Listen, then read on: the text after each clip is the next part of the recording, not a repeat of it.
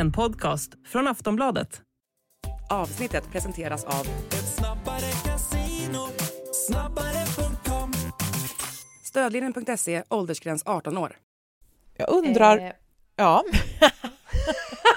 skulle inte Ja. jag ha inledningen? Jo, men du. jag skulle bara säga att jag undrar, så om det hörs att vi spelar in en annan dag och tid idag, ehm, om Det kanske är så energierna blir...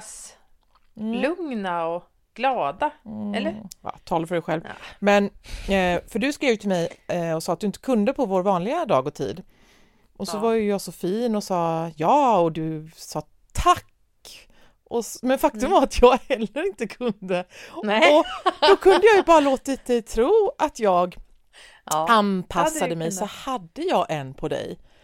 Mm. Men jag kan inte låta, som du hör nu, jag kan Nej. ju inte låta, varför kan inte jag? Och det är väl bra antar jag, Ja, att jag är en så, jag åh, jag är så ärlig och öppen. Mm. Men kan jag inte ljuga en enda gång? Lite, eller det är inte lögn. Eh, Bara- jag kunde ju bara låtit bara- dig tro. Ja, men det var bara det. Vi får se hur det låter nu. Ja, det blir spännande.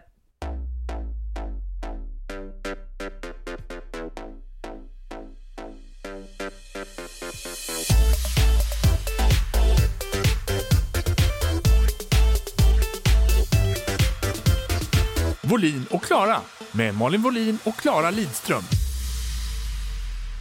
Såg du Ben Affleck och Jennifer Lopez på Grammy- Grammygalan? Grammygalan kanske heter på engelska. Hade jag något val? jag. Ja, alltså man såg väl inte galan, för det är väl ingen som ser såna här galor, det verkar helt fruktansvärt tråkigt, men man såg ju alla eh, klipp sen på Instagram och alla memes. Eh, jag tänker hur mycket jobb det är inför en sån här gala, inte bara för arrangörerna utan för de enskilda gästerna. Jennifer Lopez var ju där för att dela ut ett pris, inte för att uppträda, inte för att ta emot ett pris, hon skulle dela ut ett pris. Men tänk vad som krävs för henne för att gå på sån här gala. Hon har tränat i åratal. Hon har fettsugit hakan, hon har sprutat in botox, hon har gjort fillers i läpparna, hon har gjort en spraytan, ett browlift, vaxat kroppen, gjort sina fingernaglar, sina tånaglar, satt i löshår, varit på otaliga fittings för olika klänningar från olika stora modehus. Alltihop för att bli fin och eh, redo för den här galan. Ben har dragit lite vax genom håret och klivit i sin kostym och sen har de åkt dit ihop. Och eh, de är ju nygifta och de sitter där på bästa plats på galan, längst fram, alltid i blickfånget. Och han sitter och ser ut som man tänker på sin katt som blev överkörd 94. Han är så ledsen. Han är så, han har så dålig hållning. Han hänger inte med i skämt, han skrattar inte på rätt ställe och så har de lyckats fånga på film när Jennifer Lopez väser något, eller han viskar något till hennes öra tror jag, och hon viskar något tillbaka och sen slår hon honom i bröstet. Inte så hårt, men liksom sån här som man kan slå på sin äk- äkta make när man är förbannad för att han inte bjuder till när han är medbjuden på en jobbfest. Jag tänker, jag tänker så mycket om det här. Vi har ju pratat om Ben Afflecks sorgsna uppsyn förut, hur han har blivit fångad av paparazzis när han sitter och sover på, typ på någon sån här jävla, vad heter de här båtarna som går i, kan, i de venediska kanalerna? Eh, sitter och sover i någon sån på sin bröllopsresa, går och tittar, följer med sin fru och shoppar och ser ut som att han vill skjuta sig själv. Jag har aldrig sett en olyckligare nygift man, men det jag tänker på med galan är hur lät det när de kom hem? Gondol! Tänk- Oj, förlåt. Gondol! gondol. Förlåt. Ja, gondol, gondol. Bra, tack. Hur lät det när de kom hem och Jennifer Lopez har gjort alla de här för, liksom förberedelserna för att hon ska leverera. Hon är glittrande glad. Hon sitter och har utstrålning, hon sträcker på ryggen, hon är trevlig mot journalister. Och sen kommer de hem och så ser de att den enda liksom coverage som Jennifer Lopez får är vilken fruktansvärt miserabel make hennes man är make hennes partner är, make han är, vilken miserabel make hon har. Eh, undrar liksom, är hon Skällde hon på honom sen? Jag tr- skulle tro det med tanke på att hon skällde på honom i direktsändning. Men liksom, hur är stämningen när man själv är ett sånt jävla fullblodsproffs som Jennifer Lopez är? Och så har man en man som är liksom slö, oengagerad och bara liksom... Ja, vad tänker du? Hur skulle det låtit hemma hos er? Ja, men hon är väl i gott sällskap med hälften av jordens kvinnor. Eh, skärp dig Bengt och så vidare. Nej, men Mm. eh, eh, eh, de, de var ju tillsammans eh, i början av 2000-talet någon gång va? Mm. Och då var, om jag har förstått saken rätt så, om de har sagt det eller om andra har sagt det eller både och, att det var media och paparazzis och så vidare som eh, förstörde deras relation. Det funkade inte, det var för mycket bevakning och spekulation, bla bla bla, så de var för på dem och så. Eh, och nu gör de ett nytt försök och jag är så ot- av allting att vara nyfiken på så är jag faktiskt allra mest nyfiken på om de ha, kanske har bestämt sig för, så verkligen satt sig ner och haft ett samtal om att media ska, vad som helst kan hända, men media ska inte få förstöra för oss en gång till. För jag kan bara gå till mig själv, det skulle bära mig ett par decennier fram i en relation om jag hade bestämt mig för en sån sak, att det var drivkraften. Ja. De ska inte ta oss. Och nu så märker man ju hur eh, eh, journalister, media, eh, hela alltså sociala medier-biten, vi som konsumenter, vi gör ju vårt allra, allra bästa för att få dem på fall. Ja. Så det här säger Verkligen. inte så mycket, alltså han kanske Men bara du är... har alldeles för höga tankar om Jennifer Lopez för att Ja. du, har inte, har, du, du har inte varit på TikTok och sett alla dessa videos. Jag har sett dem här sen, ända sedan i somras. När hon, inte bara på TikTok utan så här, lite överallt, när hon, alltså hon måste ju ha ringt paparazzis. Alltså de är typ i Paris och ska gå och shoppa. Eller hon fattar att de är där. Och då kanske man, om man är så många andra kändisar, typ, om, typ så här svenska kungafamiljen eller någonting. Man går ganska snabbt in i butiken, man liksom eh, hejar snabbt och så här, du vet, hon strosar och hon struttar fram och det är som när man har sett det på, har man bara sett paparazzi-bilderna så känns det som att, ja men då är det ju som en annan sak, men när man ser henne eh, i rörelse ser man så här, men du är ju ute och visar upp dig. Och så finns det roliga filmer när hon går och liksom hänger på honom och man ser hur han bara, åh jag dör, jag typ, alltså, som, att det vore hennes 13-åriga son som bara, jag skäms ihjäl för min mamma. Hon ska liksom hångla offentligt och så ska hon säga när hon ska kram, typ han kommer till någon inspelning och hon, han går ut ur en bil, eller jag hittar på att det är en inspelning, jag vet inte vad det är. Han kommer ut till någon inspelning och hon ska gå ut ur en bil och ska hon krama om honom och då är det liksom som, tänk dig så här, Carrie Second City, att hon bara hamnar bakom nacken, en kyss, stryker honom. Och så det, man ser att hon använder hela sin repertoar och han är liksom lite, så här, lite stel och konstig och Alltså, det var jättekonstigt att vara ute med någon som är, alltså här är ju alla systrarna Kardashian som vi älskar att prata om, men att de är liksom, de ringer ju själv och tipsar paparazzis, jag kommer vara här, jag kommer gå in i den här butiken, eller de ringer till dess publicister ringer, och sen så går de dit och uppsnofsade och så Ska de stå och vrålhångla vid entrén? Nej, jag vet inte. Jag tycker, bara, jag tycker bara att hur dåligt man än har det, och det är ju många som har haft det dåligt. Jag tänker Beyoncé, Jen- eh, Jay-Z var ju på en världsturné när de när han var otrogen och de var tvungna att liksom uppträda tillsammans och stå och kyssas på scen och sen så var det ju bara ryktet att bakom scen pratade de inte med varandra, de sov i olika hotellrum, de liksom eh, så.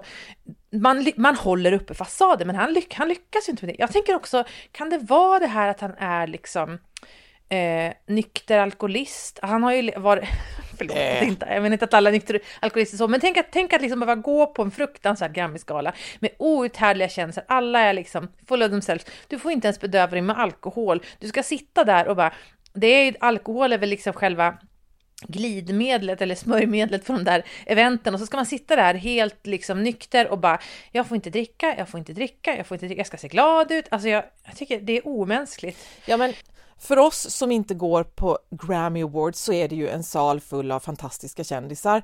Men Ja. för de som är där så är det ju kollegor och för Ben är det ju inte ens kollegor, det är hennes jobb. Ja, ja. Och det är ju inte alltid så kul. Och, Nej. och också det här du säger, för du är ju inte så tråkig på fest eftersom du är van vid att vara nykter. Men Mm. för en kalaskalle som Ben så det måste ju vara så svårt att veta hur man ska föra sig. Jag, jag minns eh, Ja. när jag slutade rö- feströka. Mm. Och, och då tänkte jag, ja fast nu kommer jag ju aldrig, jag kommer ju aldrig kunna gå på fest för hur, ska man, hur har man kul på fest utan Vart att har man röka? händerna? Ja, var har man händerna och man får inte vara med de coola och ja, det är Mm. hemskt. Nu så, så man kan, nu kan jag det. det tog 25 år. Nej, nej men eh, det går ganska fort. Eh, Och likadant är det väl med alkohol att till slut så, men han är ju inte riktigt där än. Och eh, han tycker väl, han tycker bara att det, men det, det var ju, eh, det är ju någon som har läppläst ju. Ja, vad sa hon då? Eh, det minns jag inte. men, jo, men hon sa så här, kan, eh, se, se lite, se ut som att du tycker det är kul och då säger han Ja. I might. Exakt! Och jag tycker att hur, jag är inte något stort fan av Jennifer Lopez. Hon är ju ändå känd som den hårdaste kvin arbetande kvinnan i showbiz och hon har fel man. Alltså tänk att göra all den här efforten och kämpa så hårt för att bli respekterad som artist trots att man är tondöv Mm. och ändå sen ha en man och man har den här romantiska historien att man en gång var ihop och blev ihop igen och så kan inte han göra the bare fucking minimum att liksom eh, Le, kyss, se kär ut i din otroligt vackra fru, var glad och sen så bråkar ni hela vägen hem i bilen istället. Jag förstår inte. Det finns ju också klipp när han innan galan står och pratar med folk som kommer fram, någon så här, men det vet så att en publicist eller någon som kommer fram och säger någonting underbart till honom. Man ser liksom att hon kommer fram och berättar att han är fantastisk. Och han ler och så gör han så här två sekunder efter att de vänder sig bort så bara, du vet, så när man verkligen har varit falsk när man bara drar ner mungiporna så ut som man håller på att dö. Och det har de också lyckats fånga och det är ju, det är ju jätte, det är ju jätte, alltså ju nattsvart. Väldigt, väldigt mörkt att man, man fattar liksom att det pågår många saker där som man verkligen skulle vilja veta mer om. Hur många år ger du dem? Eller månader? Kanske, hon är ju liksom, hon var ju ihop med A-Rod fast han var otrogen mot henne i flera år. Alltså jag tror att hon kommer, hon kommer hålla ut kan, max ett år, förmodligen innan hösten. Hon, skil, hon har väl varit gift fem eller sex gånger så att det är ju ingen, det är ingen Hon stor tycker det är grej, kul med bröllop, ha klänning och så. Så- Jag kan ja, känna med det. Ja. Eh, Ja, någon som har gjort det men- noll gånger. Ja. Eh, nej men alltså, eh, en sak som, som slog mig var att runt, de satt väl också tillsammans med Lizzo eller? Jag, jag kanske vet blandat inte, ihop. jag såg Nej, ja, Ja. Jo, eller nära, men jag vet inte. Men det kändes som att det var runt omkring där i alla fall, runt det bordet, att det var så otroligt mycket möhippa-energi. Ja. Och det är ju inte för alla. Eh, och särskilt då inte om man... Men eh, jag har ju sett så otroligt många memes där han kallas för introvert. Mm. Och Men- introvert, eh, pass Ja. på nu för någonting mer till min lista jag inte tror på, saker jag inte tror på. Alltså, tror introvert, heller. introvert Såklart. Mm. och extrovert, bor granne med elallergi och HSP och så är det bara. I Oxford Dictionary definieras en introvert person som en person som främst är upptagen av sina egna tankar och känslor än av externa saker och en extrovert person som någon som främst är upptagen med externa saker eller objektiva betraktelser. Introvert, ah, du menar att du trivs i ditt eget sällskap, du har få men djupa vänskaper, du föredrar att arbeta ostört och koncentrerat. Gissa vilka fler som känner så här? Precis alla! Alltså, och jag tror att jag har, så, jag, har för, jag har tänkt och jag har tänkt och jag har tänkt. Och jag klarar inte riktigt av att människor tror att de är speciella. För speciell är ett epitet som någon annan ska klistra på dig. Du ska inte dubba dig själv. Nej, Nej, jag fattar. så jag kan komma fram och kalla dig någonting från Oxford Dictionary. Ja, och det kan vara det kan vara lite vad som helst. Men det är jag som gör det. Det är jag som kallar dig speciell och unik och du är egen och annorlunda. Du får inte göra det själv! Eller?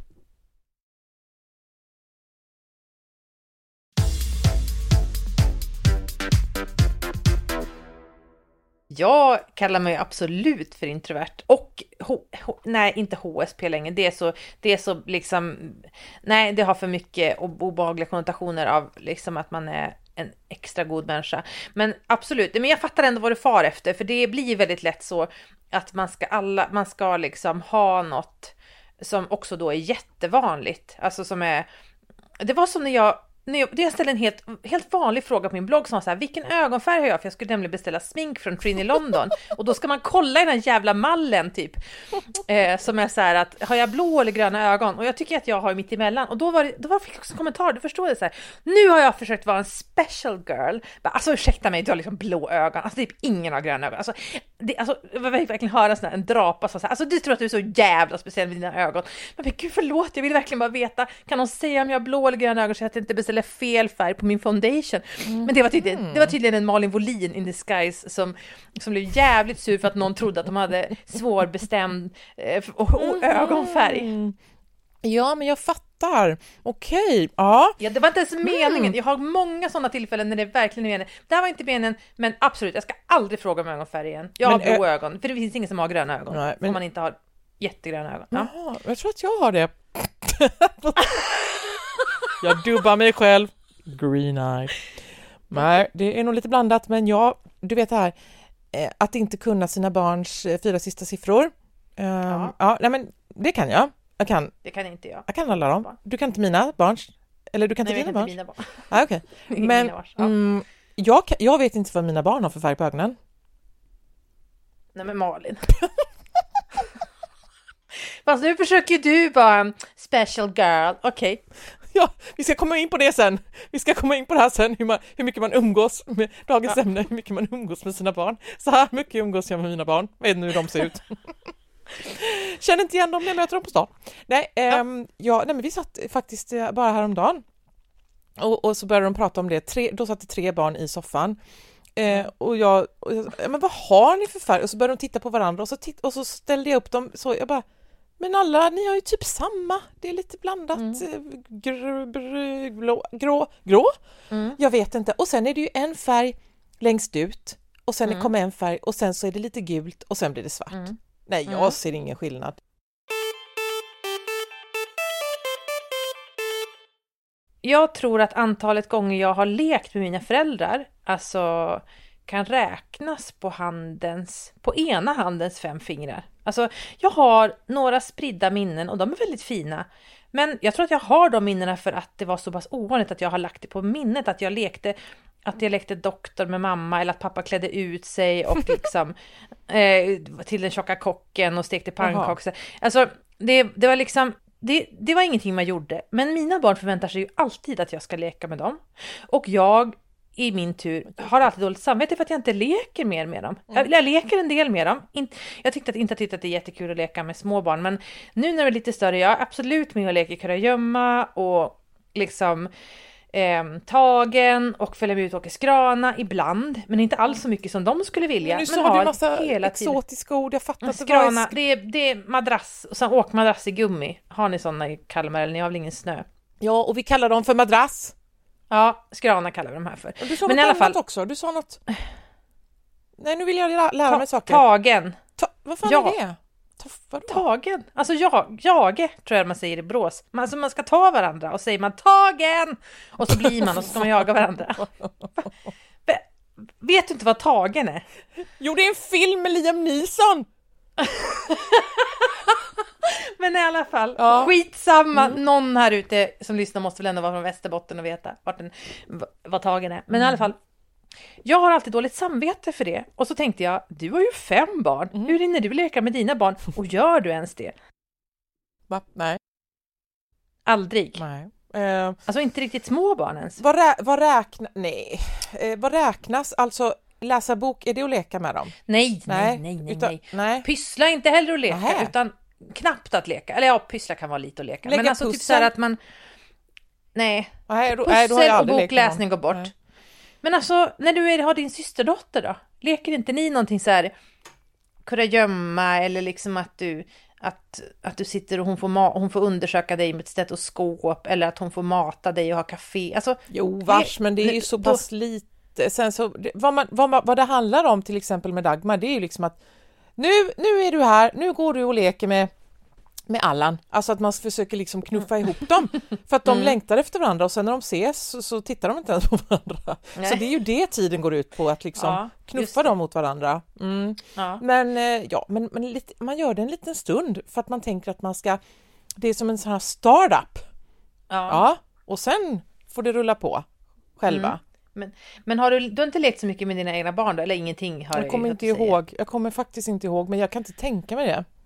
Har de efterfrågat att du ska leka med dem? Mm, ja, vars. Men, eh, men eh, ehm, det handlar ju om, inte bara när det gäller allting med barn, eh, är ju att försöka ignorera dem så pass mycket som möjligt, utan, ja, men på, fast på ett liksom sofistikerat sätt. Ja, så att de inte absolut. känner sig...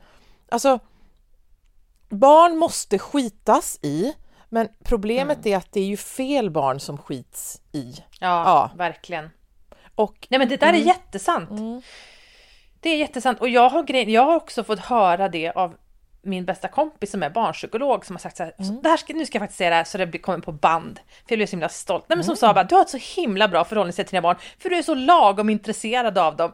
Mm. Det är verkligen så att jag också så här, att, för att man tror ju, och mycket så här barn som har fått lära sig så här, att du ska bara Åh, vad, alltså, alltså, visa så stort intresse för allt dina barn gör. Du ska liksom, och om de gör något bra ska man lyfta det. Och det finns en annan skola som att man aldrig får berömma något de gör för att då får de själv, prestationsbaserad självkänsla. Men i alla fall, att det är, och jag är väldigt mycket så här, jag kom in och gjorde det här.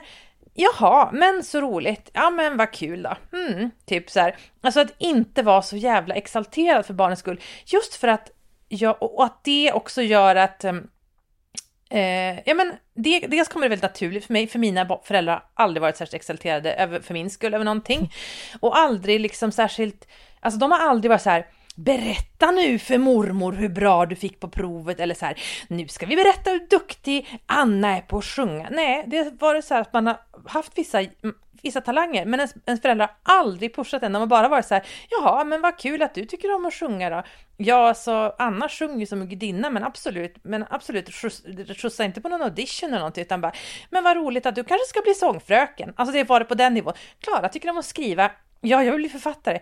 Ja, men du kanske ska bli svenska lärare. Vad roligt, det låter väl bra. Alltså verkligen så här, håll tillbaks, eh, jättemycket kärlek men jättelite fokus på att liksom hålla på och stimulera ens intresse. För det är en annan sak jag har märkt som hänger ihop med det här att man leker med barnen. Och det är ju också att man är liksom, eller det här känner jag mig själv i, att jag är liksom väldigt lätt för att gå igång på mina barns intressen och vilja uppmuntra dem och så här, så man kväver det. Alltså ett av mina barn i höstas mm. började liksom få ett stort intresse för att rita, ma äh, rita manga.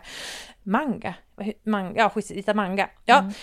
Och det tyckte jag var jättekul och han har inte varit intresserad av att rita förut så jag vill verkligen uppmuntra det.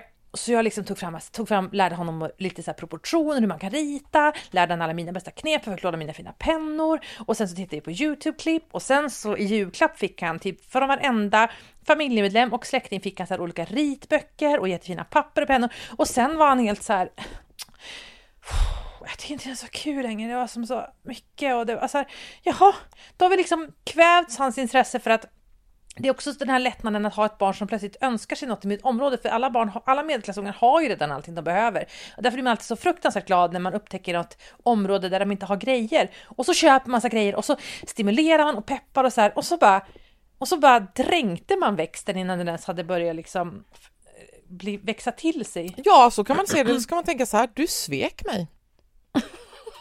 Titta här vad jag gjorde för dig, du svek mig.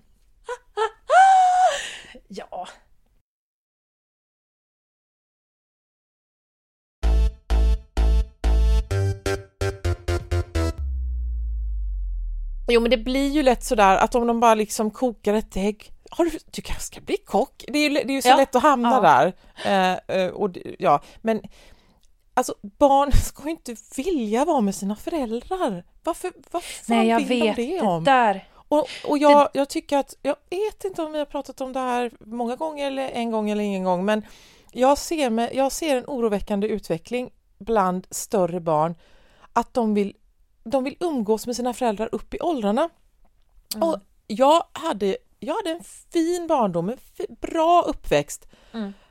Men jag var väl kanske 12-13 eller någonting när jag typ klippte banden och satte en Camelite bakom örat och bara drog.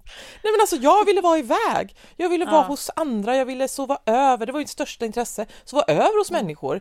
Men det var väl för att jag var extrovert? Jag vet ja, inte. precis. Ja, det var mm. extrovert och jag var introvert. Jag har verkligen velat vara jättemycket med mina föräldrar och vara jättemycket med min släkt och sådär. Men grejen är att jag, jag har ändå verkligen jag har också haft en jättefin barndom och alltså jag menar när jag säger att mina föräldrar inte uppmuntrar mig, de var ju hela tiden stöttande och uppmuntrande men de gjorde liksom ingen grej av någonting. Och, och inte heller att jag skulle tycka att jag var märkvärdig utan jag var bara ett vanligt barn som alla andra vanliga barn och det finns något jävligt sunt i det. Jag kan också få så här hurven när jag hör föräldrar som brer ut sig för mycket om hur fantastiska deras barnen på olika saker. För jag känner också så här, men låt, det kanske är sant, men låt era barn vara. Och även den här sjuka trenden som känns som att det kommer från USA, men det finns väldigt mycket sen nu, när man ska vara så här, Alltså vi är bästa vänner jag och min mamma, eller jag och min dotter, vi är bästa vänner. Du ska inte ha din mamma som bästa vän och du ska absolut inte ha din dotter som bästa vän. Skaffa jämnåriga fucking vänner och dela förtroenden med. Alltså du kan, okej okay, kanske när man är vuxen att man kan ha en mer väninnelik relation som inte behöver vara så jätte tydlig mor och dotter. Absolut, det kan finnas något bra i det.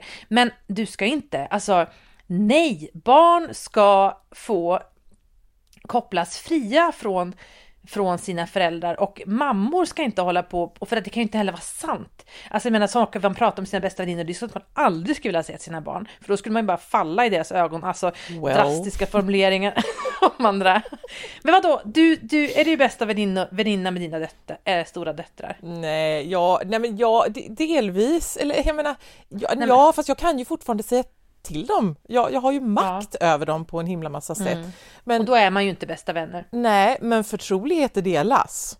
Så är det. Och ibland kan jag Ja. tänka, det där skulle jag nog inte ha sagt. Det där kommer de dra upp någon gång, särskilt den ena, och hålla det emot mig eller förnedra mig. Men det är ju risker man får ta. Ja. Men eh, det är väldigt roligt att, eh, nu är de ju så himla, man kan man ens kalla dem barn längre? Jag vet inte men eh, eh, det, det är svinkul och sitta kvar efter middagen och prata. Och då måste jag ju också få vara, det är ju mest, det är ju 90 procent de pratar, jag lyssnar.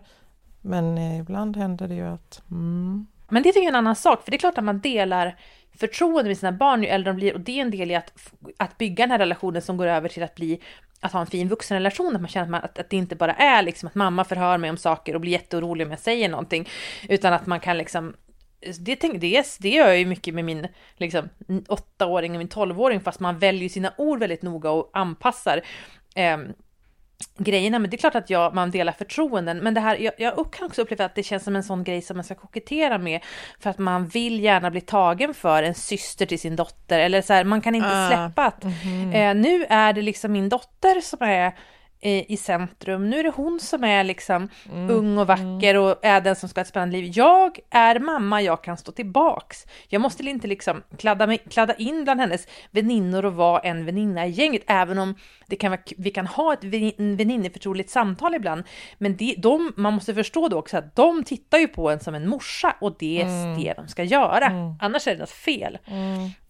Ja, ehm, eh, jag, jag tänkte på det här med, för att eh, dels, jag har en son som, eh, som vill spela Monopol och då har jag sagt att du har fem syskon, vi kan inte spela, du har fyra syskon, vi kan inte spela Monopol för att det tar hela dagen och då fick ingen annan. Jag hade ju inte gjort något med de andra ändå, men det är ju väldigt bra argument. Och eh, ja, men plus att Monopol, ja, men jag hatar, hatar, hatar Monopol. Det är så fruktansvärt tråkigt.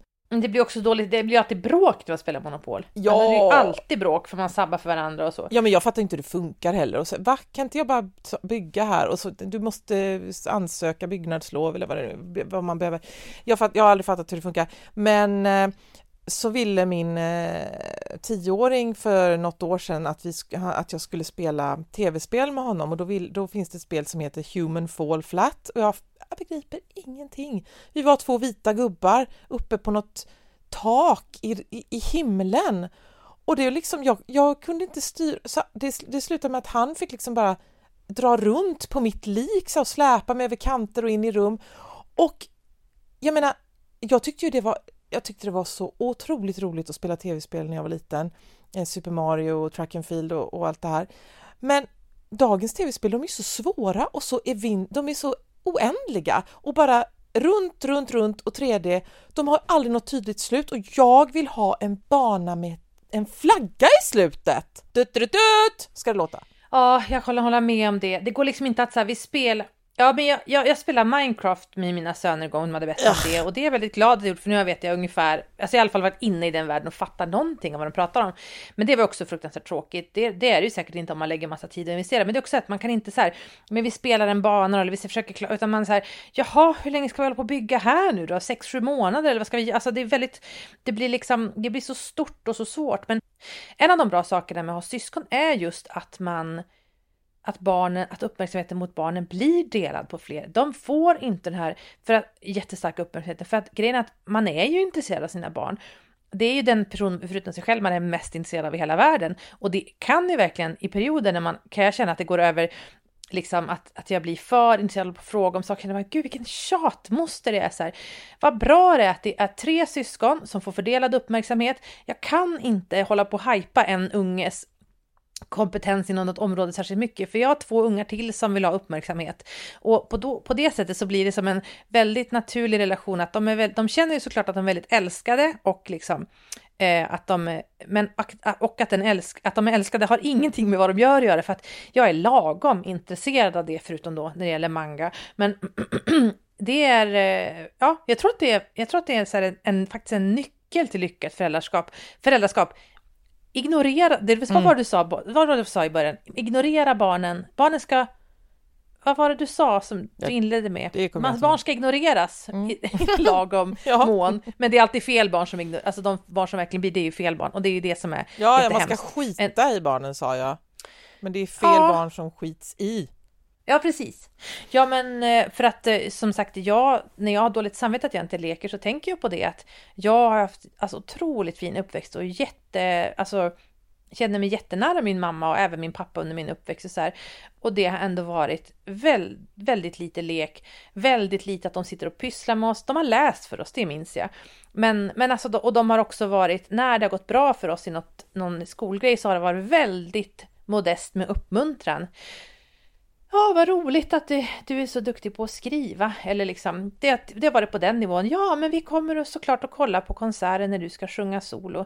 Det var ju roligt att det gick bra. Och, och på det sättet har man ju känt att det spelar heller ingen roll för min pappa om jag skulle blivit en liksom världsberömd eh, författare eller om jag hade blivit svenska lärare. Han hade varit lika stolt och lika, förmodligen mer nöjd och trygg om han hade vetat vad svenska lärare för då kan man ju alltid få ett jobb. Det kan ju alltid gå dåligt om man är författare. Man måste liksom tänka realistiskt. Mm, men problemet här är väl egentligen att det är så svårt att hitta. Man får, man får ju välja för att om man ignorerar sitt barn och inte kommer på uppspel och inte eh, är där, då, då kanske de får en bättre karriär och en större hunger eller vad man vill kalla det, men själva relationen blir lidande. Så frågan är ju om man vill ha en fin relation med sitt barn eller om man vill att de ska bli någonting. Men jag tror inte att relationen blir lidande av det. Det är om, man, ens barn, om ens barn verkligen vill, alltså allt de verkligen vill att man gör, det kommer man ju på.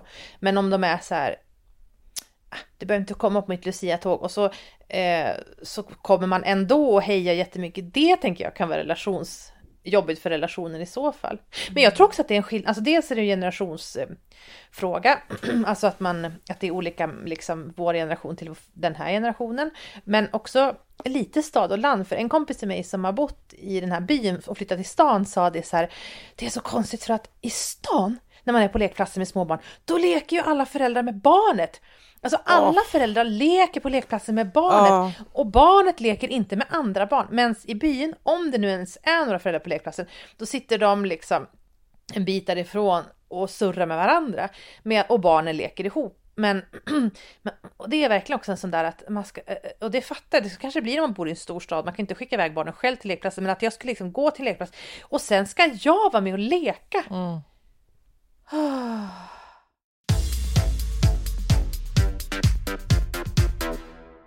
Men det är ju lite så här också att om man är rolig med ett barn och engagerar sig då, då får man ju lida för man... det sen. För då vill de ha mer. Ja, jag vet. Och, de blir ju aldrig nöjda. Ja, det blir... man skulle önska att de förstod det att nu gjorde jag bara en liten punktinsats här, ja. sen kan du gå vidare lille vän. Ja. Eh, men, eh, men du vet väl det att eh, det finns ju forskning som visar att barn vars föräldrar lekte med dem lever längre. Va? I know we've come a long way We're changing day to day But tell me, where do the children play?